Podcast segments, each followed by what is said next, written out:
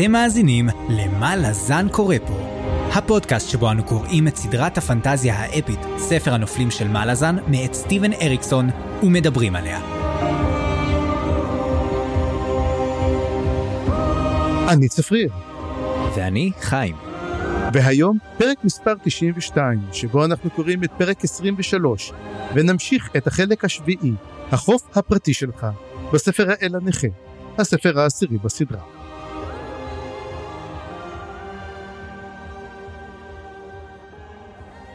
פרק לפני אחרון, צפריר. איזו ריצה, איזו ריצה. זה מרתון, זה מרתון. מי שלא אה, יתאמן Mm. למרתון, זה קשה, קשה. כן. שמע, עשרה ספרים, ועוד אריקסונים, אז uh, בכלל, לא, לא פשוט בכלל. לגמרי. ואומנם הייתה לנו הפסקה קצרצרה לפני הפרק הזה, אני אה, חזרתי שוב על הפרק שקראנו, שהוא היה פרק ארוך מאוד, וניסיתי להזכיר לעצמי מה, מה היה שם, ווואלה לא התאכזבתי, זה היה טוב גם בקריאה מחדש. אולי אפילו יותר בקריאה מחדש, אני חושב. אז בוא בוא נדבר על הדברים אבל לפני זה צפריר אני צריך שתעשה לי אה, תקציר קצר אה, אה, כמו שתקצירים נוטים להיות. נכון, אז uh, תקציר קצר. בפרקים הקודמים של מה לזן קורא פה.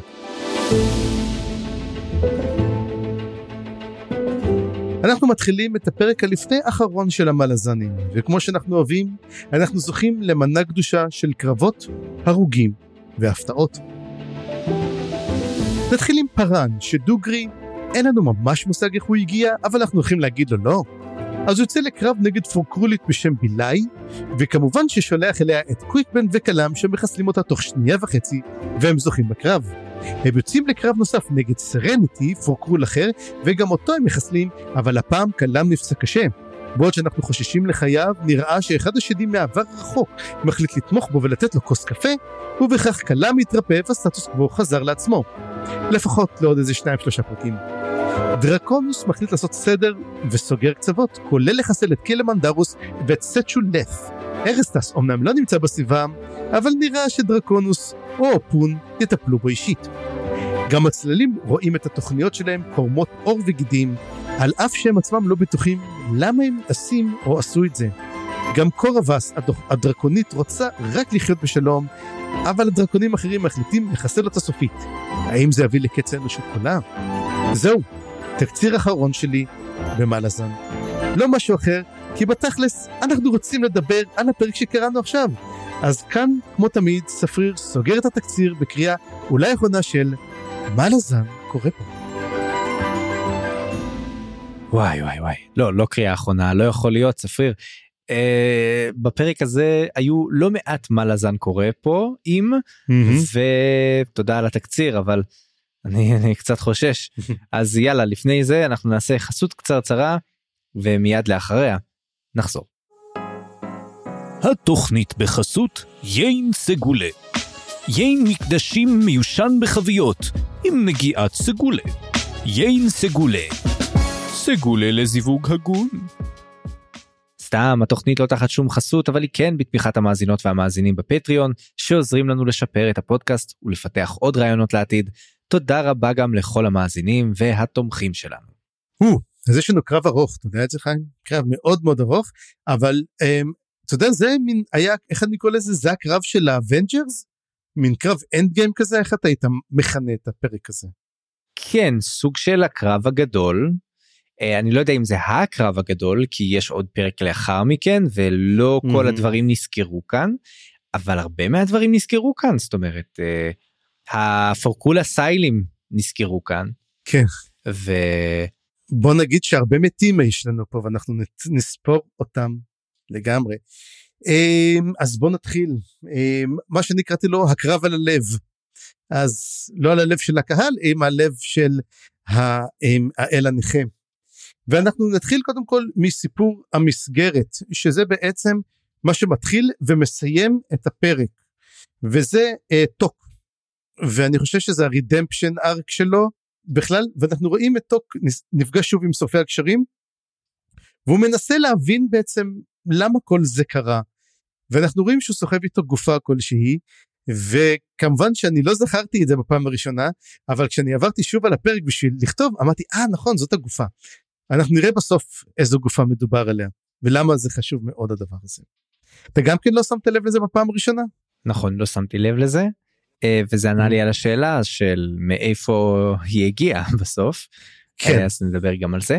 אבל כן רציתי להזכיר שטוק גם מופיע באמצע אני לא זוכר בדיוק מה נכון קורה שם הוא באמצע. מדבר הוא מדבר באמצע והוא מדבר עם ה...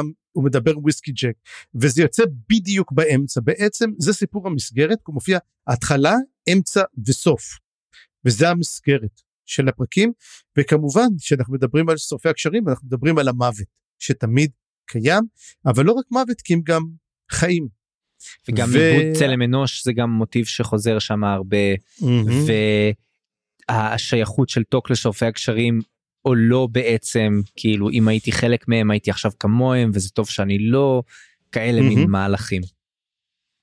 נכון ואנחנו מתחילים בעצם עם כל הנושא הפרישים שהוא תופס לנו ואנחנו מתחיל בעצם בהכנות לקרב כמו כל פרק טוב יש לנו את ההכנות לקרב את הקרב ואולי repercussions. פה יש לנו הכנות וקרב. אנחנו לא רואים את ה repercussions לפחות יש איזה חלק אולי קטנצ'יק טיפ טיפה ונדבר עליו גם.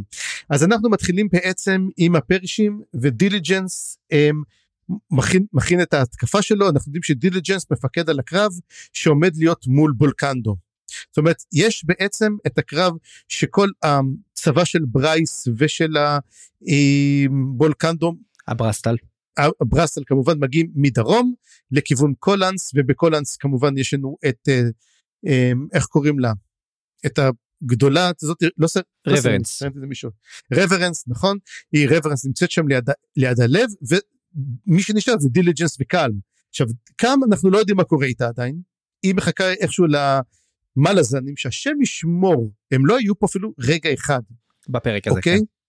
כן, ויש את דיליג'נס, ודיליג'נס ממש ממש אה, בעייתי, והוא מתחיל בעצם להכין את הקרב, ואז טנקליאן מתחיל לדבר לו בעצם על הברגהסטים, כי הם רואים את הכוחות מעולם, הוא אומר, מי אלו? אומר, אלו ברגהסטים.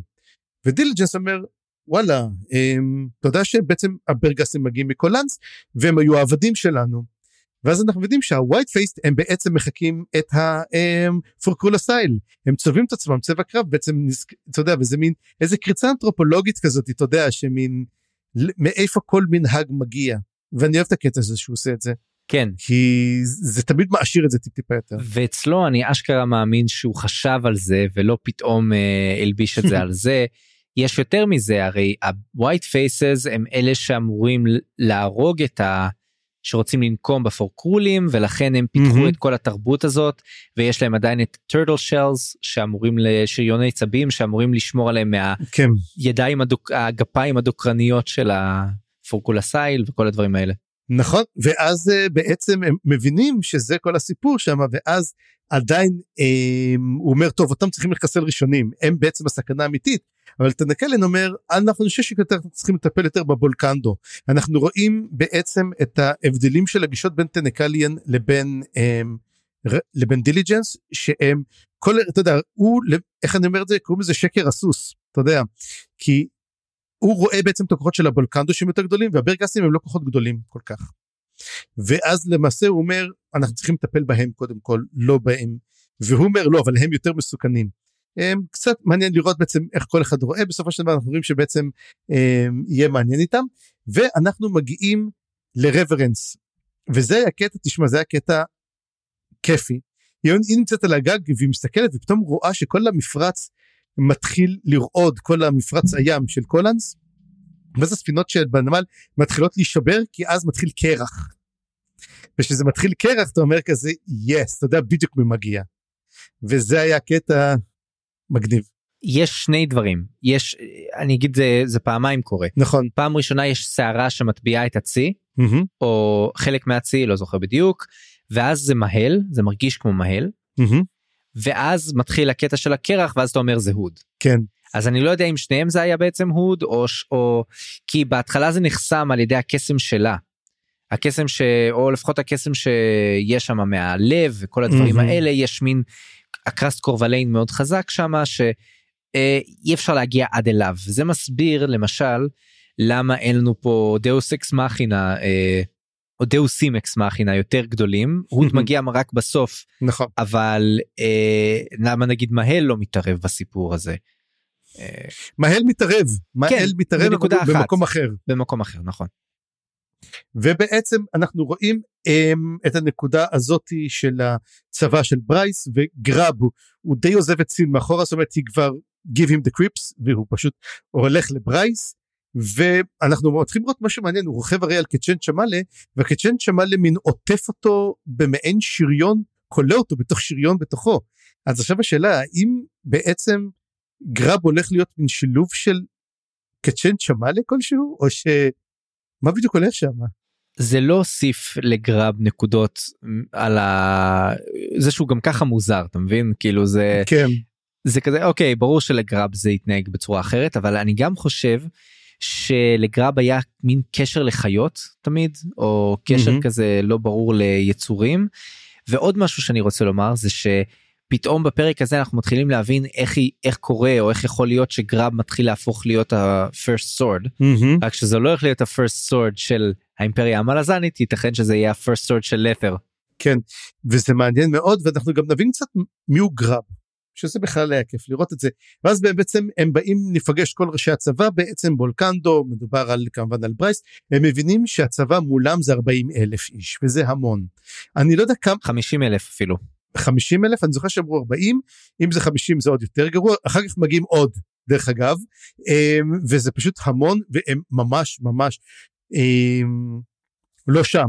זאת אומרת אמ, מה הם יכולים לעשות ואז הם אומרים אוקיי אנחנו צריכים גם להתמודד מול הקול של אפרוקולה סטייל ואומרים גרב תעזור לנו פה אומר זה לא אני זאת אתה סין כאילו אין לנו כל כך דרך להתמודד עם זה. אבל אז קרוקבה אומרת תשמעו מה אני אעשה אני אסע לפרישים ואני אעביר אותם אלינו בעצם. שלא נצטרך להילחם גם כן מול הקולנסים ואיתם אלא גם הם יהיו איתנו.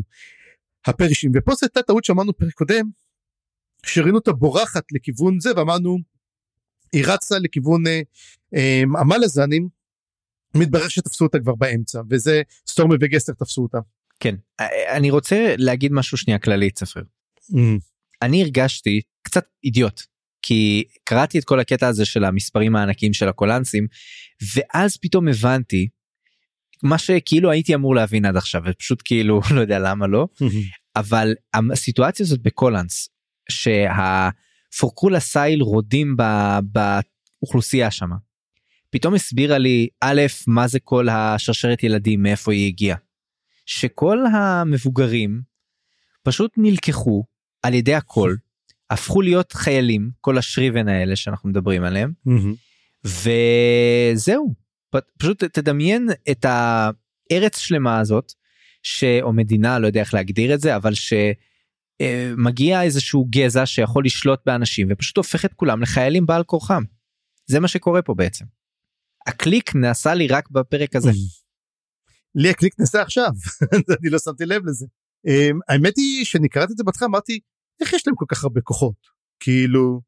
אז תחשוב שכולם לא רק חיילים כן. כולם נאלצים להילחם אה, וזה למה הכפרים נעקרו והפכו לכלי מלחמה אתה מבין זה הקטע. כן אגב הם מדברים על זה גם כן אחר כך שבעצם צריכים לחסל את הכל כי הכל הוא זה שגורם לי להילחם ואם הם יחסלו את הכל למעשה לא יהיה יותר קרב. מדברים על זה גם יותר מאוחר גם כן. ואז בעצם יש את החלק המעניין שסטורמי וגסלר. כמו שאמרנו זה הכנות אז כל אנחנו קופצים מקום למקום והם פוגשים את טול. וטול אומר אנחנו עדיין משרתים את הקיסר וזה היה מאוד מאוד uh, מעניין לראות את זה. ו... זה גם כן ואז אומרים מה הם הולכים לעשות ואומרים אנחנו הולכים לשתף איתכם פעולה. אה, ואז הוא בעצם אה, מזמן את ביצר ספרינג שזאת איזו נביאה כלשהי והיא רואה רק אה, בוא נגיד היא רואה רק דם ודמעות זאת אומרת היא לא רואה בעצם אנחנו נבין אחר כך מה עם הדם ודמעות ואלו דברים אחרים לגמרי שזה היה מאוד מעניין. ובעצם טול אומר אני הולך להילחם נגדם והוא אומר להילחם איתם הוא קורא בעצם לקצ'ן שמע לאח. ואני אהבתי את הדבר הזה שאנחנו רואים לאט לאט אתה יודע שבעצם כל הגזעים הקדמונים שחשבנו שמתים באים ונלחמים ביחד. וזה היה מאוד מעניין לראות את זה שאתה יודע זה ה... חוץ מהפוקרול הסייל זה כל, כל הגזעים האחרים יצאו נגדם וזאת מלחמה קדומה עתיקה שפשוט ממשיכה בתקופה הזאת ואנחנו וזה מאוד מאוד נחמד כי אנחנו נראה אחר כך גם כשגם ה- איך קוראים להם ג'גותים. מעבר לזה הג'גותים מגיעים וזה אחד הקטעים הכי מעניין שבעצם ג'גותים נלחמים יחד עם עם תלנימאס. נכון וזה גם ברגע מאוד מאוד uh, מעניין שם בדיוק כן. כשהם מתחילים להפוך שוב לחיים וכל הדבר הזה. אני גם רוצה בדיוק. לומר שאפילו זה שבהתחלה הטלנימאסים מוכנים להילחם עם ברייס, אה, סליחה עם מהמם. סטורמי וגסלר, פה זה כבר היה רגע ממש חזק בכלל בפרק הזה היו כל כך הרבה רגעים כאלה ספציפית מהמם. מאוד חזקים כאלה נקודות מאוד אה, עוצמתיות אז זאת אחת מהן. כן והנה ורואים גם כן בעצם שגונף מאך אומרת לקאליס שבעצם הקיצ'ן שמל אה, חוזרים לעולם. אומרת הם הגיעו מנקודה של אתה יודע של אה, הכחדה אבל עכשיו הם כן הצטרפו לעולם מחדש. ואז בעצם שהיא אומרת את הדבר הזה וכאילו אומרים זהו זה זה יופי ואז מגיע סין וסין lost it מה שנקרא לגמרי התחרפנה והיא אומרת על האש היא מספרת על האש היא אומרת משתלטת עליי ואומרים אוקיי המצב שלה לא בסדר ואנחנו נראה כמה לא בסדר ואנחנו כבר מבינים מפה שסין היא כן תנסה לקחת גם את הלב. אמ, אנחנו נראה גם מה יקרה בעצם בניסיון שלה ומה היא תרצה. ואז עכשיו רברנס מקבלת את ההודעה שהקיצ'ן צ'מאלה נמצאים והם בקרב והיא אומרת רגע אבל איך זה אפשרי הרי דיברנו עם הנרוק שיהרגו אותם ואין עוד מטרוניות איך, איך זה קרה הדבר הזה. והיא באה ושולחת לדיליג'נס אומרת תיזהר יש להם קצ'ן צ'מאלה אבל ד- דיליג'נס לא עונה. אנחנו נבין יותר מאוחר למה הוא לא עונה בדיוק זאת אומרת זה בגלל משהו קטן ו- וזה זה בדיוק עניין הזה של הרעים היה להם הרבה סיכויים לנצח אבל היו כמה נקודות קטנות שכאילו גם בנקודות האלה שרברנס פתאום מה? יש קצ'יין שמל נגדי? ובנקודות Mhm. שהם ממעיטים בערכם של האויבים שלהם אבל גם בנקודות שהם לגמרי עניין של מזל. זה שדיליג'נס בדיוק באותו הרגע אה, חוטף בפרצוף ולא יכול לענות. כן. וזה מאוד מעניין לראות את זה. ואז אנחנו מגיעים לנקודה האחרת ש... אה, בוא נדבר שזה פרשס טימבל ופיינט והן מרגישות אה, קסם מאוד מאוד חזק מגיע ואז הן מבינות שזה גראב. ואז הן אומרות רגע מה זה הדבר הזה ואומרות רגע זה אל זה לא אל ואז אומרים ואז הם שואלים בעצם האם בני אדם יכולים ליצור לעצמם אל וזאת אחת השאלות בעצם הגדולה אה, אתה יודע האם אלים זה אתה עושה אסנדנס והופך להיות אל או שאתה גם יכול ליצור לעצמך אל כמו שאנחנו הבנו שלמשל שרצו מלחמה אז המציאו אל מלחמה. אה, אנחנו הבנו שזאת הייתה שאלה אבל בסוף הבנו שלמעשה קילבה יצרה את אליה את, את אותם כדי לספק להם מספיק אלי מלחמה. אבל פה היא בעצם אומרת האם יכול להיות צורך כל כך גדול שהוא ייצור לעצמך כוח וזה גראב. וזה מסביר גם את ה... כמו שאמרת שאנחנו לומדים על גראב את הנקודה הזאת שהוא כמו טבולה ראסה שהוא אין לו אבא אין לו אימא. והוא לא זוכר מה קרה. וזה קצת הוא, הוא, הוא, הוא לא ילד רגיל כי הוא לא Mhm. באמת ילד. הוא הוא לא קיבל הוא אל הוא אל בוא נדבר שככה הוא אל הוא לגמרי אל והוא למעשה הוא למעשה האל האנושי. אל שהאנושות יצרה ויצרה אותו במהלך השרשרת הכלבים. ובזמן שהיה כל כך צורך גדול הוא בעצם נוצר אנחנו צריכים לזכור שמי שתפס אותו זה הדייקר כן והאם בעצם האנושות הייתה כל כך במצב שהייתה צריכה את העזרה את ה... אתה יודע את הסבל האנושי הזה הייתה צריכה להגשים אותו והוא הוגשם בתור ילד. אז אני רוצה לדייק את זה טיפה אני חושב שאולי לא אל של האנשים אולי אם נזכר בפרק הקודם כבר שאלנו את השאלה הזאת Mhm. למרות שזה עבר זמן ויכול להיות שאני ממציא אבל דיברנו על אל ילדים היפותטי כן זה שייתן את המענה לילדים מתים. אה, כן שגרב כן. הוא זה. יכול להיות וזה ו, ונראה לי שאולי זה מה שיקרה בסוף הוא יהפוך להיות אל הילדים בעצם אל האנטי מלחמה. האל ששומר על הילדים כי אנחנו יודעים ששתי המילים הנוראות זה ילדים מתים זה מה שבעצם מספר ואם זה כן זה יהיה ממש סיום מדהים לפי דעתי למלאזן אם זה יהיה ככה וזה יפה מאוד. ואז מה שכן הן מדברות הן רואות את גרב ומה שהן כן אבל שמות לב זה האהבה אם תשים לב הן קולטות את האהבה וזה חלק מאוד גדול על אהבה אתה יודע, הן אומרות, רואות את האהבה שיש לארניקט מול ברייס. ואומרת פיינט, אני לא מוכנה שאהבה כזאת לא תתגשם.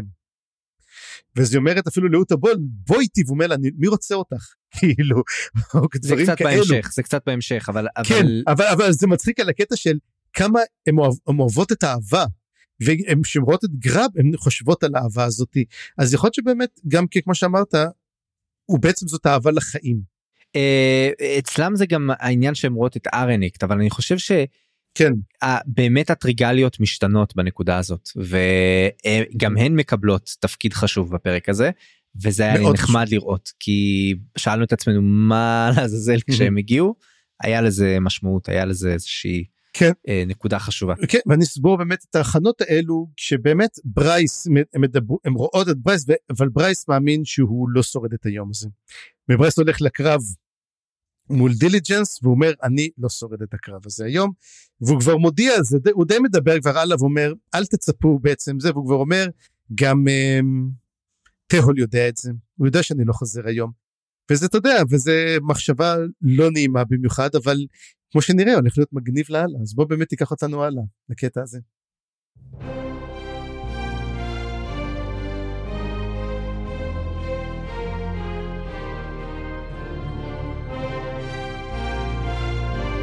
כן, בוא נעבור רגע קצת לדבר על הפרישים.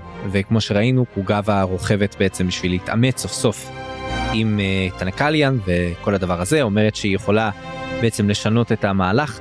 ומה שאנחנו מקבלים זה סוג של uh, טרגדיה שקספירית מאוד מעניינת שבה בסוף כולם מתים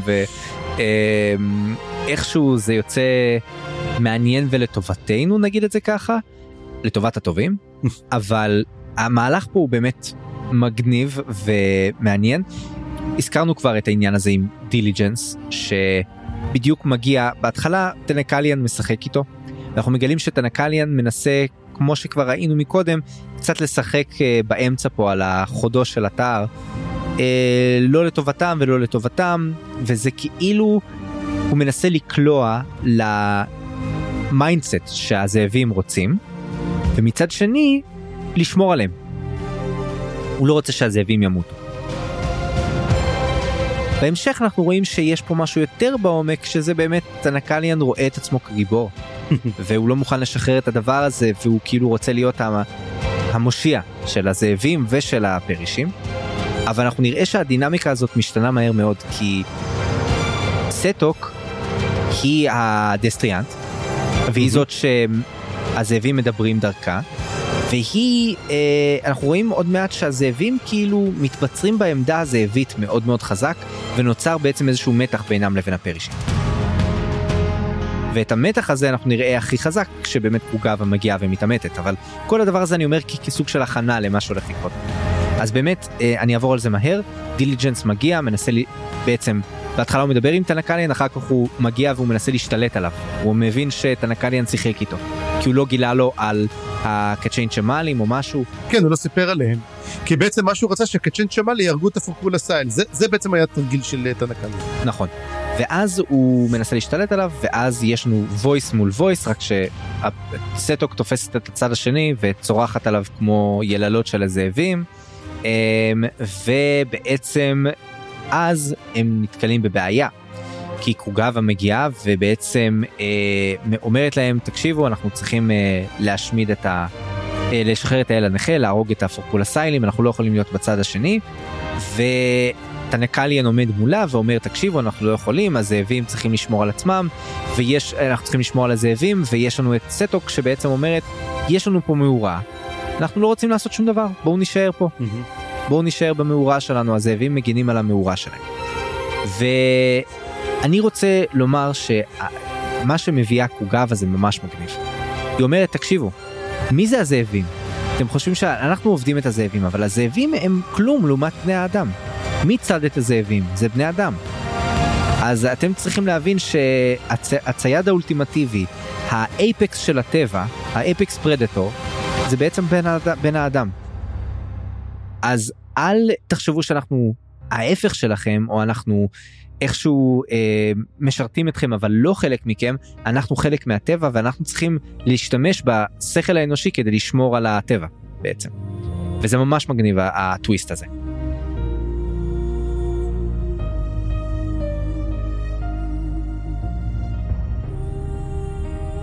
אבל בסוף כמו שאמרתי בעצם יש לנו אה, את המאבק בין טנקליאן לקרוגבה שבסופו שניהם מתים.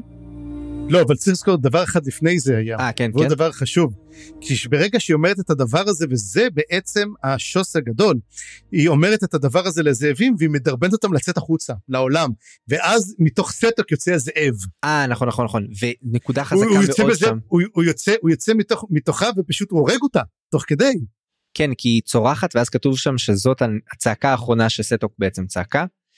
ואז טנקליאן הוא זה שבעצם דוקר את אה, סטוק והורג אותה או את הזאב שבתוכה אנחנו הורג, את- הזאב, הורג את הזאב, הוא תוקע את זה בזאב, כן. שכנראה אנחנו לא יודעים אם זה, אם זה טוק או פנדרי אבל אחד מהם כנראה מת ובעצם באותו, באותה נקודה שלושתם בעצם מתים.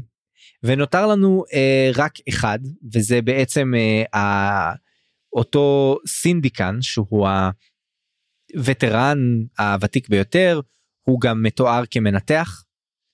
ומנתח או, או חובש קרבי אפשר לא, לומר יותר מתאים פה מהמם. והוא מקבל בעצם את הפיקוד הוא יודע שאליו יפנו ועכשיו הוא נותר עם דילמה מה לעשות למי להצטרף והוא אומר כן בואו נחכה לסימן ובדיוק כשהוא אומר את זה באופק רואים את uh, ברייס בדיקט עולה על איזשהו תל uh, בצורה מאוד מאוד כזה מלא גבורה בטח הסוס שלו כזה עושה מרים שתי רגליים ובדיוק באותו. רגע הם רואים אותו אז כן כמו זורו כזה, אתה יודע, היי, מריאד למעלה.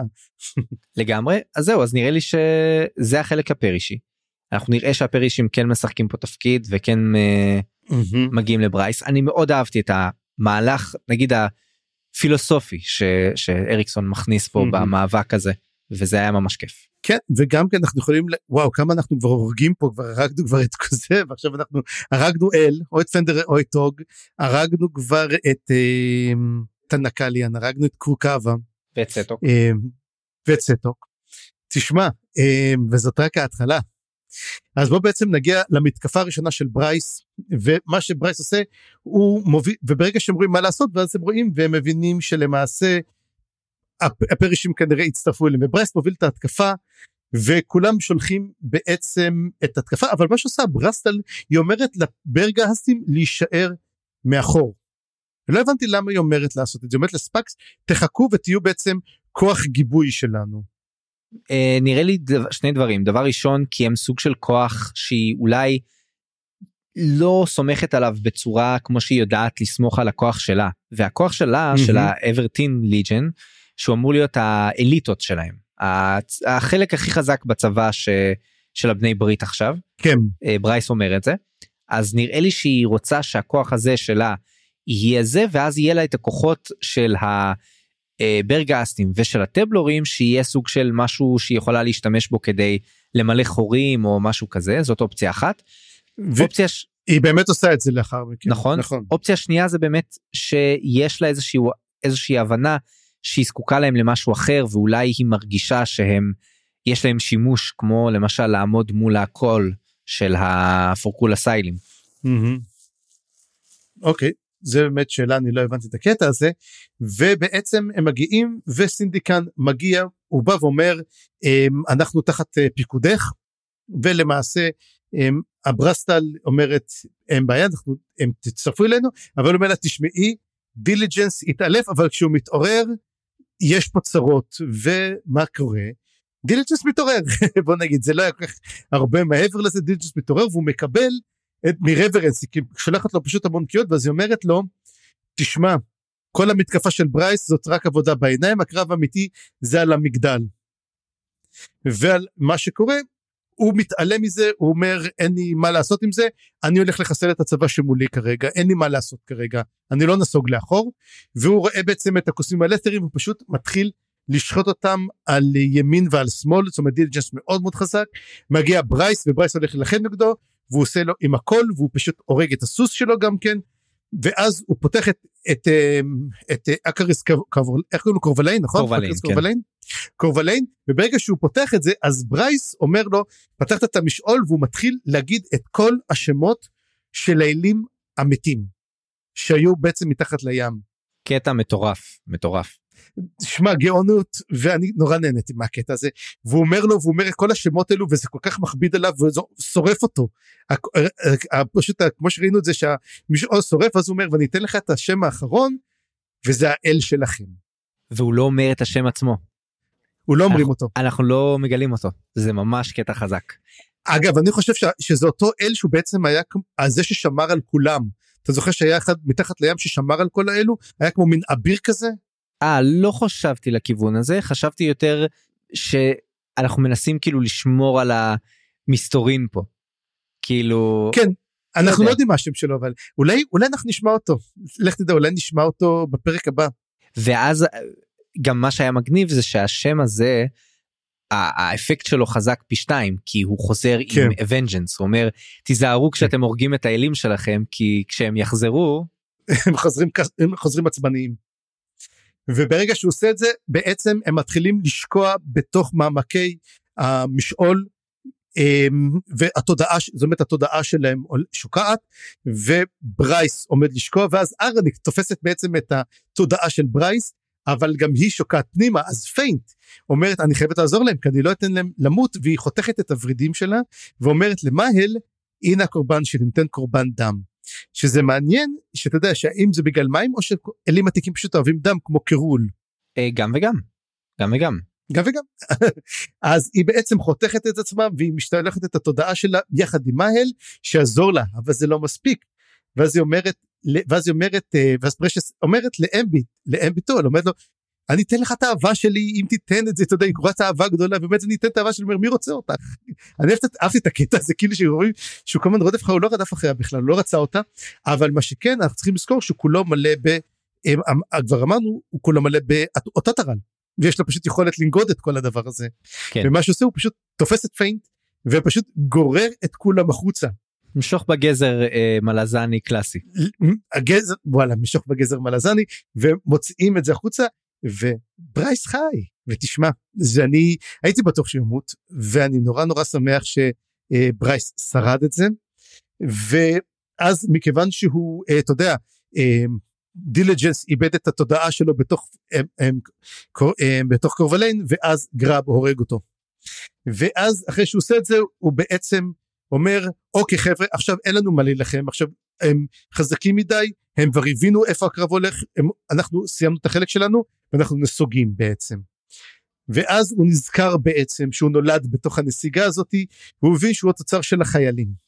כן ואז בעצם גם ברייס נותן לו את הפיקוד נכון אה, וזה זאת הייתה נקודה מאוד חזקה.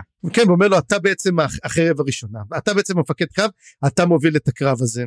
כי פה, פה הנקודות התחברו פה החבלים השונים התחברו וזה היה כל כך אה, מספק. כן ואז הם אומרים אוקיי והם חוזרים אחורה בזמן שכבר מבינים שהמתקפה אתה יודע הם שולחים חלק מהכוחות אחורה חלק מהכוחות קדימה הברסל ממשיכה לתקוף כמובן גם כן יחד עם הפרישים והם הולכים כולם לכיוון הצריח אבל אני חושב שאנחנו נמשיך את זה אחרי הפרסומות את המשך הקרב הגדול הזה.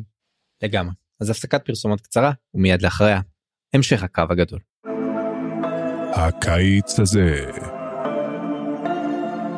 תוכנית הטלוויזיה שכבשה את ליבותיכם חוזרת למסך. לא תוכלו להעביר ערוץ, אתם תצפו בתוכנית הפורקול הסיילית היחידה בטלוויזיה. אין לכם ברירה. The Voice, העונה החדשה, בקרוב. טוב צפריר אה, חזרנו הנה אנחנו yes. פה ואנחנו עוברים לקרב על הלב או החלק השני פה של הקרב mm-hmm. ואנחנו מתחילים באמת מהמתקפה הגדולה שאנחנו מתקדמים לכיוון הצריח יש לנו את הכוחות שמנסים בעצם להיחלץ לעזרתם של הקצ'יין שמל שהם הכוח mm-hmm. החלוץ בקרב הזה שהצטרפו אליהם בינתיים מטלה נמאס כמו שאנחנו יודעים אבל ברגע שה... קולנסים מושכים חזרה את הצבא שלהם הולך בעצם להיות פה מרחץ דמים אה, לא קטן עוד מעט נבין שזה ממש ליטרלי הולך להיות מרחץ דמים אבל אה, כרגע זה טוב זה טוב כן כן אז עכשיו אה, אנחנו רואים אבל את הכוחות שלנו ממש נחלצים לעזרתם אז הברסטל שולח את הברגסטים והפרישים אה, לצריח, אה, פוגשים אה, קול, אה, את הקולנסים, קורים פה כל מיני דברים, אני קצת מדלג על הדברים הלא חשובים. כן. את הקטע עם הטבלורים והמפקדת שלהם שהיא משוררת כזאת אבל בעצם מדברת כמו זה כשהיא מדברת עם בני אדם כל הדברים האלה. אה, אגב אני- אני רוצה אני רוצה אני רוצה לעצור את זה כי זה היה קטע פשוט נורא נורא חמוד שמדברים על הטבלורים והם מדברים כמו משוררים ואומרים רגע אז למה אתם מדברים כמו אתה יודע ילדים בני שלוש זאת אומרת כי השפה שלכם מוגבלת אתם ממש לא יודעים לדבר.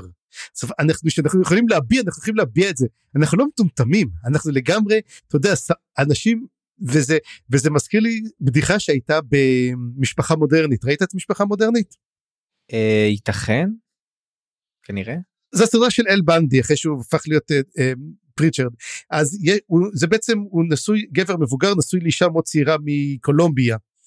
אז הוא היא באה והיא מדברת זה אז היא אומרת לו אתה יודע כמה אני חכמה באמת אני מדברת באנגלית נשמעת מטופשת אבל אתה יודע בספרדית כמה אני חכמה אז זה בדיוק הדבר הזה מאוד הזכיר לי. האמת שזה זה לא כזה מוזר באמת כי אני יודע על עצמי אפילו שאני נשמע ומתנסח שונה כשאני מדבר באנגלית או בעברית או ברוסית Mhm. כאילו זה יש ממש יש לי כמו אישיות אחרת או, או Mhm. וזה משהו שמוכר כאילו שאנשים מרובי שפות ככה הם מרגישים אבל כן במיוחד אם זו לא שפה שהיא טובה בה שהיא יכולה להרגיש שהיא מהמם. אה, מוגבלת. בכל מקרה כן. אז אה, אני מדלג קצת על הדברים האלה כי הם פשוט נחלצים לכיוון הצריח אז אין פה יותר מדי מה להגיד. מה כן. שקורה בינתיים זה שהקצ'יין שמל והטלנימאס תוקפים את הצריח. רברנס אה, משתמש ב- באקרסט קורבליין כדי לדרבן את הקולנסים ויש שם את ה High Watered שהוא ה- מי שנשאר בפיקוד אחרי שדיליג'נס הלך מהמם. כנראה שהוא Watered אבל עם הרבה אחוזים של דם פורקרולי אנחנו לא יודעים כמה כוח יש לו בקול נגיד זה לא משהו שגילינו אבל הם כן אה, נחלצים לעזרת רברנס רק שבדרך הם נתקלים באמת בטלנימאסים שעושים מתחילים לט- לטבוח. בהם.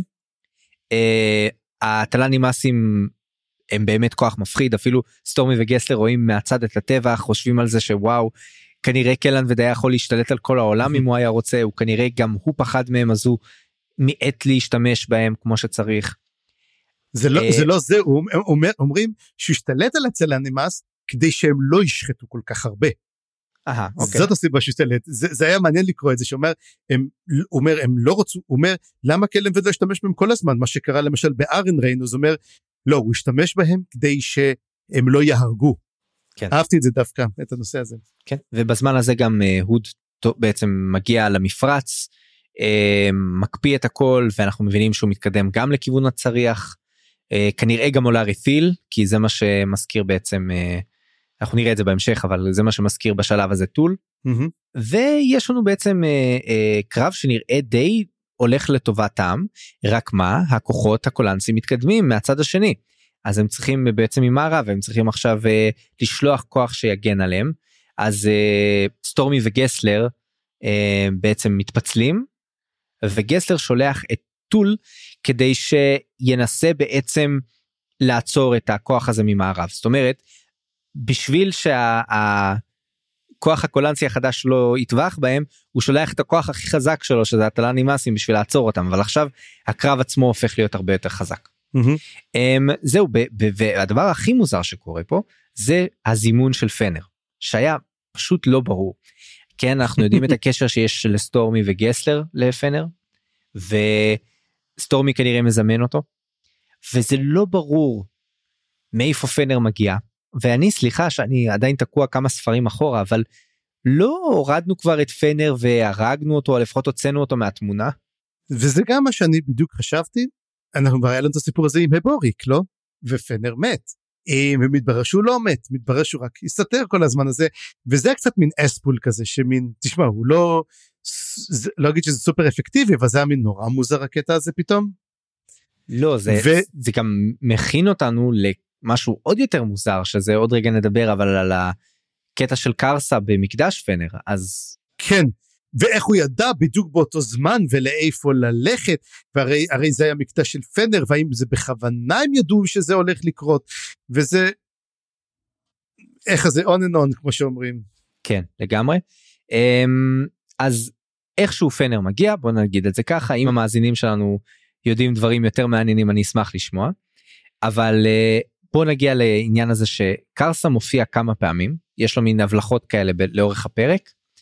ובהתחלה הוא פוגש את מונוג במקדש האל הנכה כנראה. שזה המקדש של פנדר ישן. נכון. ושמה הוא מדבר איתו והייתה שיחה מ- מרתקת אני באמת אני אפילו הקראתי חלקים לאשתי בשבת כי זה היה כל כך אה, מגניב. אמ, יש שם באמת את העניין הזה של קרסה שהוא כאילו הברברי הוא מגיע מהכפר. ומהצד השני יש לו אה, משהו שהעולם המודרני כאילו איבד ואני הרגשתי שבחלק הזה אריקסון לא כותב לקר... אה, לא, כותב לנו בעצם על, ה... על החברה שלנו. הוא אומר אתם שכחתם מה זה חמלה ומה זה הבני אדם שיכולים בעצם להיות ביחד והוא אומר המניפסט של קרסה הוא פשוט גאוני. הוא אומר אני רוצה mm-hmm. להשמיד את הערים אני אקים כפרים בכל מקום. הרעיון היה שכאילו אה, אה, בכפר דואגים לכל אחד. יש מין אחווה כזאת יש מין mm-hmm. דאגה כן כמו שצריך כפר כדי לגדל ילד כל הדברים האלה. אז קרסה ממש מנציח את זה פה וזה פשוט יפה איכשהו גם המחווה שהוא עושה למונוג שהוא הולך להיות איתו ברגעיו האחרונים. ולאחר מכן קרסה בעצם מגיע למקדש פנר והולך אה, להיות בעצם האביר של אל, האל הנכה ושובר את האבן שם את המזבח של פנר משהו כזה. אה, יש שם ניב היה את אחד הניבים של פנר שם והוא פשוט נועץ אותו דרך הניב שלו וגם שמסתכלים בשמיים רואים את החרב הענקית חותכת. כן כי פנר ו... בעצם מופיע בשמיים שם נכון רואים אותו בשמיים. כן וטול מזהה שזאת חרב היא מעשית. וזאת אותה חרב שהם יצרו לו כבר בספר השישי אני חושב אפילו. נכון.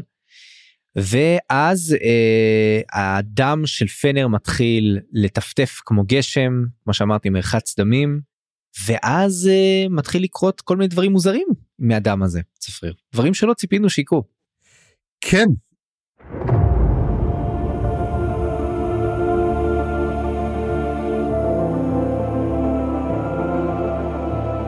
קודם כל הטלנימאסים הופכים להיות אימאסים. אה, שזה מטורף. ויש פה את כל הזיכרונות של טול וכל הדברים האלה המחשבות באמת קטע יפה מאוד איך שהוא כתוב. ואתה יודע מה כאילו זה נחמד והכל אבל חייבים עכשיו רגע לפני שהם הולכים אה, בעצם הם כבר ראו את הקולנסים הקולנסים ראו אותם הולכים לתקוף ואז הם הופכים להיות בני אדם שאפשר אה, אתה יודע להרוג לא התזמון הכי טוב ובקלות כן במיוחד שהטלנימאסים היו כל כך רגילים להילחם בלי פחד על עצמם שהם אפילו לא מתגוננים אז הם, הרבה מהם הולכים למות כנראה מהמפגש הזה אלפים כנראה הולכים למות. זה בדיוק זה בדיוק מה, ש, מה שקורה. כן. וחוץ מזה יש עוד כמה אפקטים שלמשל רוורנס הופכת להיות שוב צעירה. אנחנו יודעים שבצעירותה היא הייתה מאוד מאוד מסוכנת אז כנראה שזה הופך את המפגש בהמשך לעוד יותר מעניין ואנחנו נדבר בהמשך על עוד כמה אנשים שכנראה אה, קיבלו אה, חיים נוספים או, או אופציה לרידמפשן כלשהו מהדבר הזה שנזכיר את זה בסוף. כן. הדבר היחיד שחשבתי עליו שיש אזכור קטן של שור כלל mm-hmm. שמחליטה מה לעשות וה, והנסיכה ואז חשבתי על עצמי אם שור כלל הייתה בדם היא הייתה הופכת ל, לח... היא הייתה מקבלת את חייה שוב. כן אבל היא לא רוצה לחיות שוב. נכון. היא אמרה את זה זה לא זה לא מעניין אותה. נכון אבל יכול להיות שזה יקרה לה בטעות יכול להיות שתיכנס לדם בטעות. האמת אני מאוד מקווה שכן. זהו אבל זה לא קרה בפרקים האלה מה כן קרה אבל צפריר ומי יזכה בלב. קח אותנו. אז זהו זה אז זהו זה ובעצם מתחיל פה מה שאני קראתי לו ה Avengers הסוף של ה Avengers שלגמרי כל הקרב מתחיל להיות אתה יודע שהקרב מול טאנוס. שפה בתפקיד של טאנוס רברנס והלב של האל הנכה מתחיל לפעום זאת אומרת אנחנו מבינים שהלב תמיד היה אבן זה היה מין גוש אבן שהם לא ידעו להשתמש בו ואי אפשר היה להשתמש בו ואז הוא מתחיל לפעום. היא אומרת איזה יופי אני עכשיו אוכל להשתמש בו בשביל להעצים את הקורבליין. ונוכל להקרס קורבליין ונוכל להשתמש בו. ואז אה, אתה יודע בזמן שיושבת מה, מה לעשות את זה אנחנו רואים מהצד של הקצ'ן צ'מאלה את הם רואים מה קורה, סין מגיעה, כולה שטופה בדם דרך אגב, והיא אומרת לקצ'ן, תסוגו, אני הולכת לטפל בזה לבד, ואני הולכת לשרוף הכל. ומבינים שלמעשה סין הולכת לשרוף את העולם. וזה מצב לא טוב.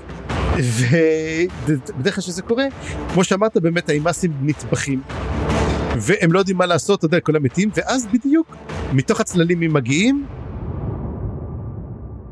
אותם 14 ג'גהותים, אותם, אותו צוות ג'גהותי אבוד, הם כזה מתבדחים ואומרים, הנה, מה אתם, אתם צריכים עזרה, מה לעשות? ואומר להם, טול, אה, כן. והם נלחמים ביחד, וזה, וזה דבר מאוד מרגש. שבעצם הם, אתה יודע, הם זונחים את כל ה, מה שהיה בעבר, והולכים, זה עם זה. ויש עוד גזע שמגיע, וזה הטבלורים, שזה כן. מצחיק, כן. כי, כי הם כאילו אומרים, כן. רק, רק חסר פה התל הקאי. בדיוק תל הקאי והם מגיעים וזה הצחוק פה. ובדיוק ואז בעצם מתחדשים ואז רואים בעצם ואז הקצ'ן שמע לא רואה את זה וגם הטבלור מגיע איתם ובעצם כולם באים ותשמע זה היה קטע נהדר ושבעצם כולם מביאים את זה ואתה יודע אני מחכה, אני מחכה לסרט לראות איך זה יקצה כי הלוואי כי לך תדע.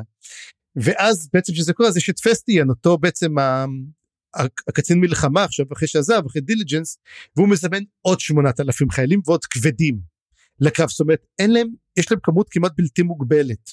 ואחד הדברים פה ואז בעצם אנחנו רואים פה כזה דבר קודם כל יש את ביטר ספרינג אותה ביטר ספרינג שהיא נפגעה קשה ואז היא אומרת אני כאילו חזרתי לחיים רק לאיזה שלוש שניות וזה הכל והיא אומרת היה שווה את זה והתשובה היא כן. ולמרות שנראה אחר כך ש she got better. אז uh, עדיין. ופה ואז חוץ מזה שבאמת רואים את הוד הולך על הים וצועד טוק כמו שאמרנו מדבר עם אותם ברידג' ברנרס ואז הוא אומר להם תעשו איזה משהו תעזרו אין לכם לב אין לכם שום דבר.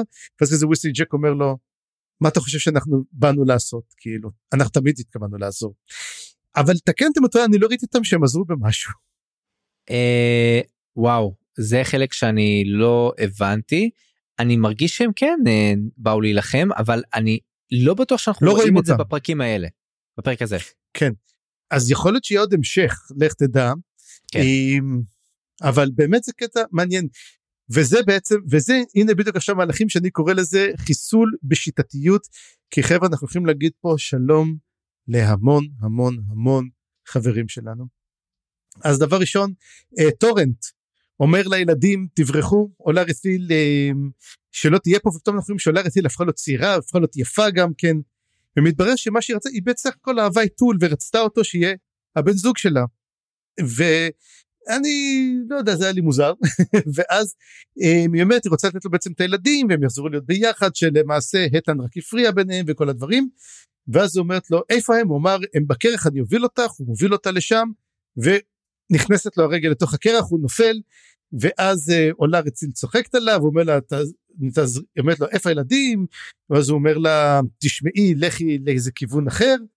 היא צוחקת עליו הוא הולך לאיזה גבעה והוא לוקח את הקשת שלו והוא יורה בה והורג אותה. תוך כדי זה הוא גם כן מת בעצמו. הוא גם כן זה בעצם שבר את הרגל בצורה קשה. יש uh, לא מעט בפרק הזה של אנשים שהורגים אחד את השני כאילו בקרב. כן כן כן יש איזה מין קטע המלטי כזה נכון? כאילו ממש אה, אה, יש עוד אחד בהמשך שאני חושב עליו. כן. או יש הרבה כן נכון. ואם אנחנו מדברים על זה על סין. ואז סין בעצם מבינה שהיא הולכת לקחת את, ה, את הלב של האל הנכה בשביל לשרוף את העולם כולו וגסלר וסטורמי מבינים שצריכים לעצור אותה אם היא עולה על, על המגדל הם רצים אחריה אבל לפני זה גסלר פשוט מנשק את קליס אומר לה למדי את הלטאות רק את הטוב שעשו בני אדם לא את הרע ובעצם יוצא ובאותו רגע אמרתי לעצמי ביי סטורמי וגסלר ביי לכם. היה כן, נחמד אה? וזה היה עצוב כבר אתה יודע כי מהספר השני כבר אנחנו מכירים אותם מאותם שומרים מסכנים שהיו על החוף ים ורצו משרה קלה ופשוטה בלי הרבה רעש ולהיות כת של פנר. הם וטרוס. וטרוס כבר אמרנו לו שלום בספר השישי באי גתן ופה אמרתי כן מה לעשות? ו- אבל מה שכן היה נחמד זה שהכלבים אותם כלבים רצו אחריהם. אותו כלב שהם יחיו אותו בספר השני. בסוף הספר השני. כן אני אהבתי את הקטע הזה כי אני שואל את עצמי מה הכלבים עושים פה? מה זה קשור עכשיו? ואז אנחנו מגלים מה זה קשור כי זה.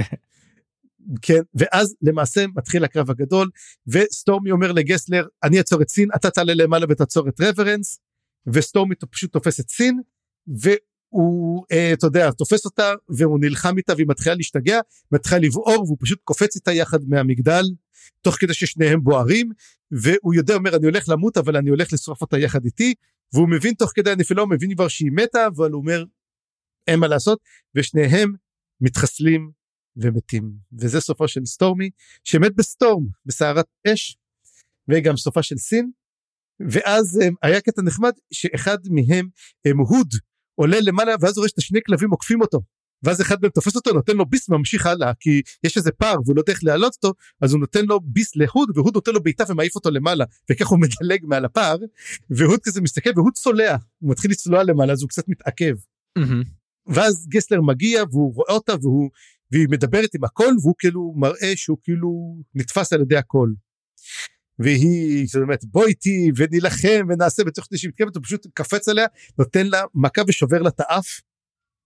ואז תוך כדי זה קופץ עליה את אחד הכלבים והוא תופס אותה בצד של הפנים ומוריד לה את העור. ואז היא תופסת את הגרון מתחילה לחנוק את הכלב ואז גסלר מה שעושה הוא פשוט תופס לה את היד ומרסק לה את היד אבל אז היא פשוט נותנת לו מכה בראש ופשוט הורגת אותו על המקום. וזה היה מין אנטי קליימקס כי אתה אומר זה גסלר. כן ו... והיא נותנת לו פשוט מכה אחת והורגת אותו. אני הרגשתי שזה לא היה כל כך אנטי קליימקס כי אה, עשינו כזה buildup מטורף לכוח שלה.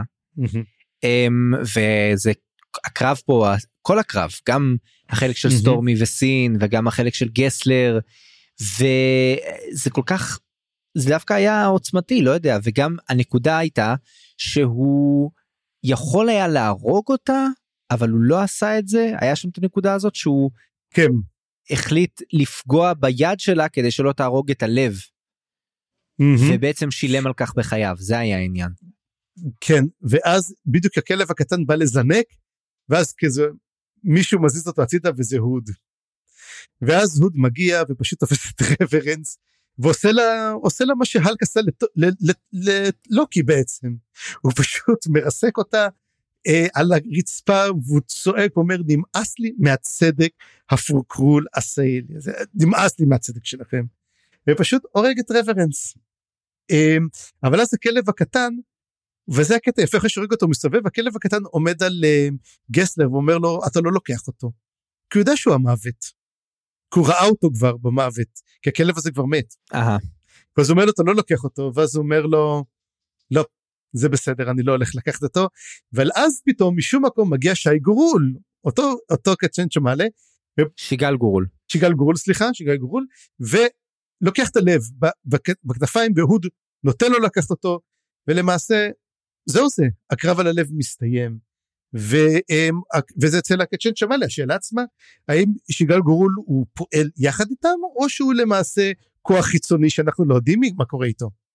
לא אני חושב ששיגל גורול עושה את מה שאנחנו אמורים היינו לעשות עם הלב הוא מש- מחלץ אותו משם מחוץ לידיהם של הפורקולה סייל מה יעשו עם הלב אני לא יודע יכול להיות שצריך לחכות שתבורת תצטרף לסיפור בשביל שהלב ישתחרר ויחזור הביתה אני לא יודע בדיוק איך השלב הזה ייראה אבל נראה לי שאנחנו עוד עוד שלב אחד בכיוון הזה. כן והלב רוצה את אימא. ובסופו של דבר אנחנו מגיעים לסצנה האחרונה שאנחנו רואים שביטר ספרינג חשבה שהיא מתה אבל לא היא רק נפצעה היא בסדר. הקרב הסתיים וטול עוזב את האימאס הוא מחליט לעזוב אותם זה הקרב האחרון שלו. ואז הוא מרחוק רואה את הדמויות ובעצם שלוש דמויות ואלו שלושת הילדים שלו ששרדו. ואז הוא זורק את החרב שלו הוא רץ אליהם ואז עוד דמות מגיעה מרחק וזאת הטן.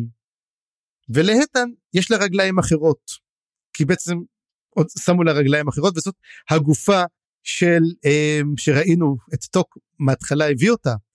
ואז um, מסתכל טול לצד והוא אומר הוא מזהה איזה צל כלשהו והוא מצדיע לו וזה טוק והוא מצדיע לו בחזרה ובעצם הכל בסדר ביניהם. כאילו הוא נתן לו את מה שהוא רצה והוא הוא די הוא די כיפר ובעצם הם היו חברים הכי טובים והם מבינים בעצם את כל מה שקרה וזהו וזה הסוף בעצם נראה לי עם טוק עם טוק ועם טול כן. אה, רגע שנייה בלי לפגוע ביופי הזה של הסצנה הזאת שהייתה כל כך עוצמתית אני רוצה טיפה לדייק אותך אני חושב שזה לא שהם עכשיו החוקים שוב. המהלך הזה והפגישה הזאת שאנחנו ראינו אותה בכמה סיטואציות שוב ושוב ושוב כל פעם המצב הפגישה החל מזה שטוק הגיע בדיוק אחרי שטול כבר מת וסליחה קודם כל טול שהגיע כשטוק כבר mm-hmm. מת נכון כשהוא הגיע כן. בתור uh, הברגסים שראו בעצם את הקרב שבו טוק נהרג ב... Uh, שכחתי כבר איך קראו לזה בשממות שמה של לת'ר. כן. ואז אחר כך uh, uh, הם כאילו היה להם את הפגישות החסרות מזל האלה ובסוף הפגישה האחרונה שלהם הייתה ממש גרועה mm-hmm. כי זה היה בדיוק נכון. אחרי שטוק נאלץ בגלל אולארי פיל לבגוד בטול ופה בעצם יש מין תיקון של הדבר הזה וברור שזאת סצנה מאוד מאוד עוצמתית וסוג של תיקון של אחד העוולות הכי נוראיים שקרו פה באמת לטול ולמשפחה שלו אני חושב בכלל בכל הסדרה אחת מהדברים אחד מהדברים המזעזעים ביותר שקרו אז מצד אחד זה כאילו וואו איזה יופי אני לא חושב שהם חזרו להיות בדיוק מה שהם היו פעם. לא, הם לא, יחזרו פה... פעם, הם, לא, הם לא יחזרו אף פעם להיות אבל בוא נגיד שכאילו אומר מה שעשית לי אני סולח לך אבל דון אל, תב, אל תבוא לתשע אחר צהריים. כן משהו כזה וזה ביטר סוויט אבל התיקון פה הוא בהחלט עצום ואיזו דרך לסיים את הפרק. אה, אתה יודע עם הרבה עצב ואבל על כל מי שנפל אבל היו גם נקודות אור כמו ההישרדות של ברייס וההישרדות בעצם של uh, טול והטן והפיכתו שוב לבן אדם ומדהים באמת פרק מטורף. אגב גם בקרב מתוך ה-14 של, של הג'גהותים אני חושב ש-11 שרדו. אומרים שם ששלושה כנראה לא שרדו את הקרב הזה. אז זה גם כן מין נקודה למחשבה אבל אה, לגמרי זהו זה אנחנו הגענו לסוף אז מה הולך לקרות בפרק הבא והאחרון מה תן תיאוריה. אה, אני מניח שיקרה מה שלא היה בפרק הזה שזה תבור כל הצבא שלה ופארן וייתכן שפגישה ביניהם ומה עוד יקרה צריך למצוא משהו לעשות עם הלב הזה. ה Jade Spears צריכים לנחות מתישהו. אה, אולי זה קשור אולי ככה הם בעצם מי שינחת ב Jade Spears יחזירו לו את הלב וככה האל הנכה יחזור הביתה. ה Jade אה, Spears נוחתים וזה איטי. וזה אתה לוקח אותו איתו לשמיים הוא בעצם עשה פון הום פשוט לקח הרבה זמן. מדהים. זהו אה, אה מה עוד אה, זהו אני בעיקר מחכה לקטע של תבורה ופארן ואיך הם משתלבים פה בסיפור כי חוץ מזה היה פרק שדי סגר הרבה קצוות אני חושב. כן היה פרק מדהים ותשמע אני מאוד מאוד מחכה אבל זהו זה שבוע הבא חוץ מפרקים אחרונים זה, זה, זה הכל סוף הפודקאסט אתה קולט את זה? Uh, כן זה מדהים אני עוד uh, חי בסרט כלשהו שאולי uh, יהיה לנו עוד כמה פרקי בונוס אולי מתישהו ומי יודע אולי בעתיד זה אבל אני לא רגע אני לא עדיין מוכן לעשות סקירה של הפודקאסט אז נשמור את זה לפרק הבא. ברור. רק נגיד שהיה פרק ואנחנו שמחים מאוד מאוד מאוד uh, לסיים uh, שבוע הבא ולגלות איך כל הדבר הזה נגמר כי אין לנו מושג ונגיד שזהו לעת עתה. בפעם הבאה נקרא את פרק 24 ואת האפילוגים, ונסיים את החוף הפרטי שלך, החלק השביעי והאחרון, בספר האל הנכה, הספר העשירי והאחרון בסדרה, ולמעשה נסיים את הפודקאסט הזה. אני חיים גורוב גלברט. אני צפיר גרוסמן. בואו לערוץ הדיסקורד שלנו, נחמד שם. איך אתם עדיין לא שם? ונשמח אם תדרגו אותנו באפליקציית הפודקאסטים שבה האזנתם לנו. ואם בא לכם לתמוך במה שאנחנו עושים אפשר לעשות את זה דרך פטריאן, יש מלא דרגות תמיכה ותשורות מגניבות, פרטים בתיאור הפרק. עריכה וסאונד חיים גורוב גלברט.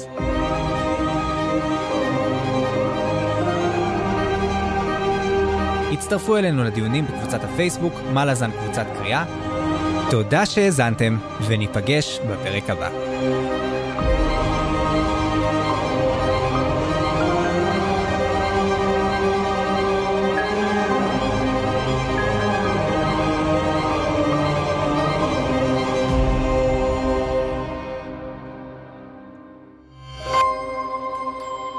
היזיון, הסכתים פנטסטיים